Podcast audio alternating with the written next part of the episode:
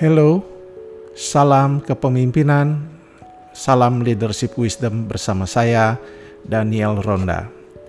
Di episode kali ini, saya ingin membahas tentang leadership power atau kekuatan kuasa seorang pemimpin.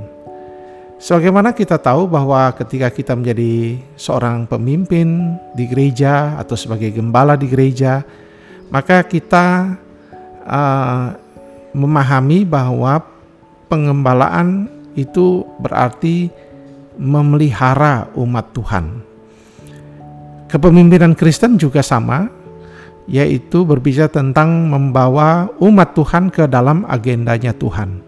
Bagaimana kita mempengaruhi mereka, membawa mereka, dan menuntun mereka ke dalam agendanya Tuhan. Namun, uh, tentu diperlukan suatu kekuatan, kuasa di dalam kita memimpin agar orang-orang yang kita pimpin bersedia dipimpin dan bersedia dipelihara, dijaga oleh kita yang diutus oleh Tuhan itu. Nah, ini yang menjadi uh, sering kali menjadi suatu pertanyaan bagi gembala-gembala, dari mana power itu datang? Uh, memang ada yang mengandalkan gelarnya, ada yang mengandalkan kepasihan bicaranya, ada yang mengandalkan relasinya supaya bagaimana dia membangun power itu supaya jemaatnya mau mendengarkan dan mau dituntun. Tentu kita tidak menyalahkan kemampuan berelasi, kemampuan berkomunikasi, kemampuan untuk mempengaruhi. Namun itu belum cukup, itu bukan pondasi kekuatan power daripada seorang pemimpin. Kekuatan seorang pemimpin terletak pada kuasa rohani yang ada padanya. Nah, saya membaca buku satu buku yang berjudul Leaders Who Last dari Dave Kraft. Saya senang dengan buku ini karena buku ini berbicara tentang the leader's power. Dari mana kuasa itu? Kekuatan seorang pemimpin gembala itu ada. Ia menjelaskan bahwa kepemimpinan kekuatan pemimpin kekuatan dari seorang gembala terletak pada identitasnya di dalam Kristus. Penting sekali dia memiliki identitas di dalam Kristus Yesus. Jadi dia mengatakan bahwa ketika saudara mau memimpin, dia leadership dia berkata begini, leadership begins and ends with clear understanding of the gospel and being rooted in the grace of Jesus Christ as a free gift. Dengan kata lain, leadership dimulai dan diakhiri dengan pengertian yang jelas tentang Injil dan tertanam berakar di dalam anugerah Yesus Kristus sebagai anugerah pemberian yang cuma-cuma itu. Jadi setiap pemimpin yang ingin menjadi pemimpin yang memiliki kuasa, maka dia harus ingat bahwa dia memimpin dengan kesadaran bahwa dia telah diselamatkan oleh Yesus oleh Yesus sendiri dan dia sedang diberi kuasa oleh Roh Kudus di dalam memimpin jemaat, memimpin umat yang dipimpinnya. Nah, ini yang paling penting. Bagaimana oleh anugerah Tuhan, uh, saudara dan saya memiliki identitas di dalam Yesus Kristus itu.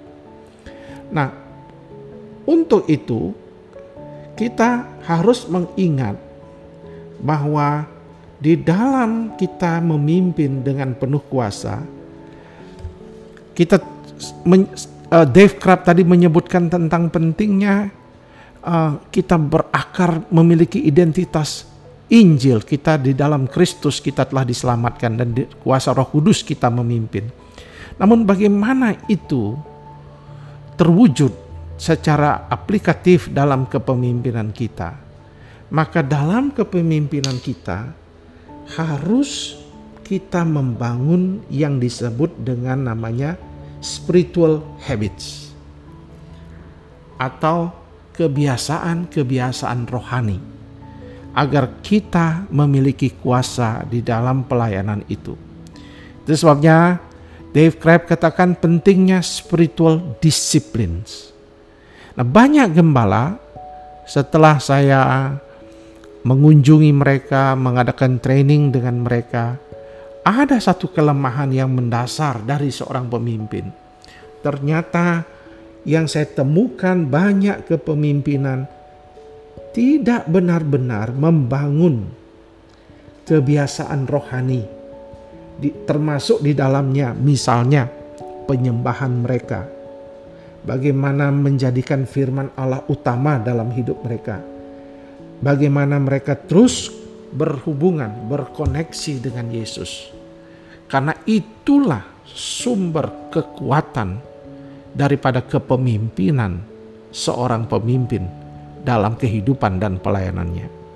Oleh sebab itu, saya berharap ketika saudara mau memimpin, saudara harus punya hal yang jelas dalam hidup saudara yaitu yang disebut dengan spiritual disciplines. Nah, apa saja spiritual disciplines? Disiplin rohani yang harus saudara bangun sebagai gembala dan pemimpin rohani di gereja.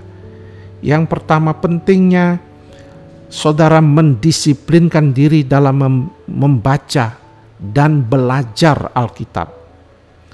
Yang kedua, penting saudara memiliki waktu khusus dalam doa dan penyembahan kepada Tuhan.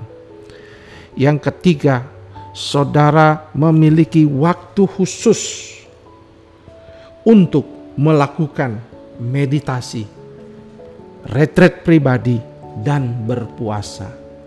Ketiga disiplin inilah yang akan membuat saudara tetap berada dalam anugerah Tuhan dan membuat saudara tetap segar dalam kepemimpinan karena memiliki relasi yang dalam dengan Tuhan. Dengan kata lain, Dave Crabb katakan begini, saudara dan saya bisa jadi belajar ilmu kepemimpinan, punya ijazah S1, S2 atau S3 tentang kepemimpinan atau pengembalaan atau teologi. Saudara punya itu, tapi itu laksana perahu yang sangat bagus. Tetapi ada layarnya, tetapi tidak ada roh kudus yang menggerakkan perahu itu. Kita perlu ada kekuatan daripada roh kudus untuk menggerakkan apa yang telah kita punya. Itu sebabnya saudara dan saya perlu memiliki disiplin rohani. Nah, apa yang saudara lakukan dengan itu? Seperti membaca firman, usahakanlah dalam membaca firman, saudara membaca, merefleksikannya, meresponinya, bahkan kalau perlu mencatatnya.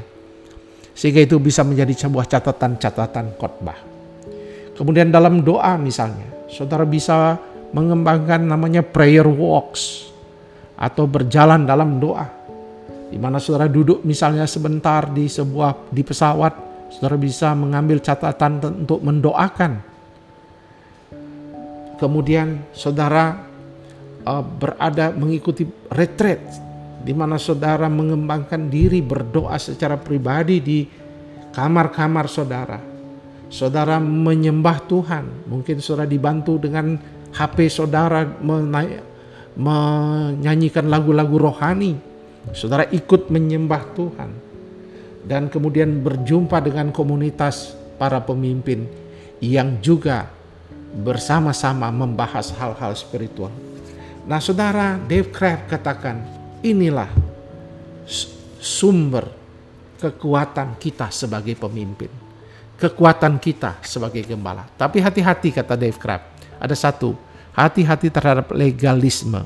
Banyak pemimpin dan banyak gembala ketika saya bertanya apakah ada spiritual uh, relationship atau hubungan pribadi secara rohani dengan Tuhan, mereka rata-rata berkata saya berdoa, saya membaca firman Tuhan. Tetapi ternyata mereka melakukannya secara legalistik, rutin.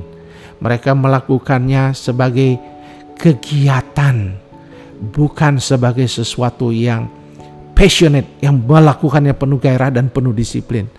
dan mereka melakukannya di bawah aturan karena mereka mengatakan kalau seorang pendeta harus berdoa. Tapi mereka menjadikannya itu legalistik. Kita harus melakukannya penuh disiplin tetapi juga harus sungguh-sungguh memiliki koneksi yang akrab dengan Tuhan. Nah, di episode kali ini saya berharap saudara-saudara mengerti tentang dari mana kuasa seorang gembala. Kalau saudara ingin menjadi gembala yang penuh kuasa dalam pelayanan, menjadi pemimpin rohani yang efektif dalam kepemimpinan, mau tidak mau ada fondasi yang besar, leadership power, saudara harus memiliki relasi yang akrab dengan Tuhan Yesus. Kiranya Tuhan memberkati uh, saudara dalam kepemimpinan. Salam kepemimpinan.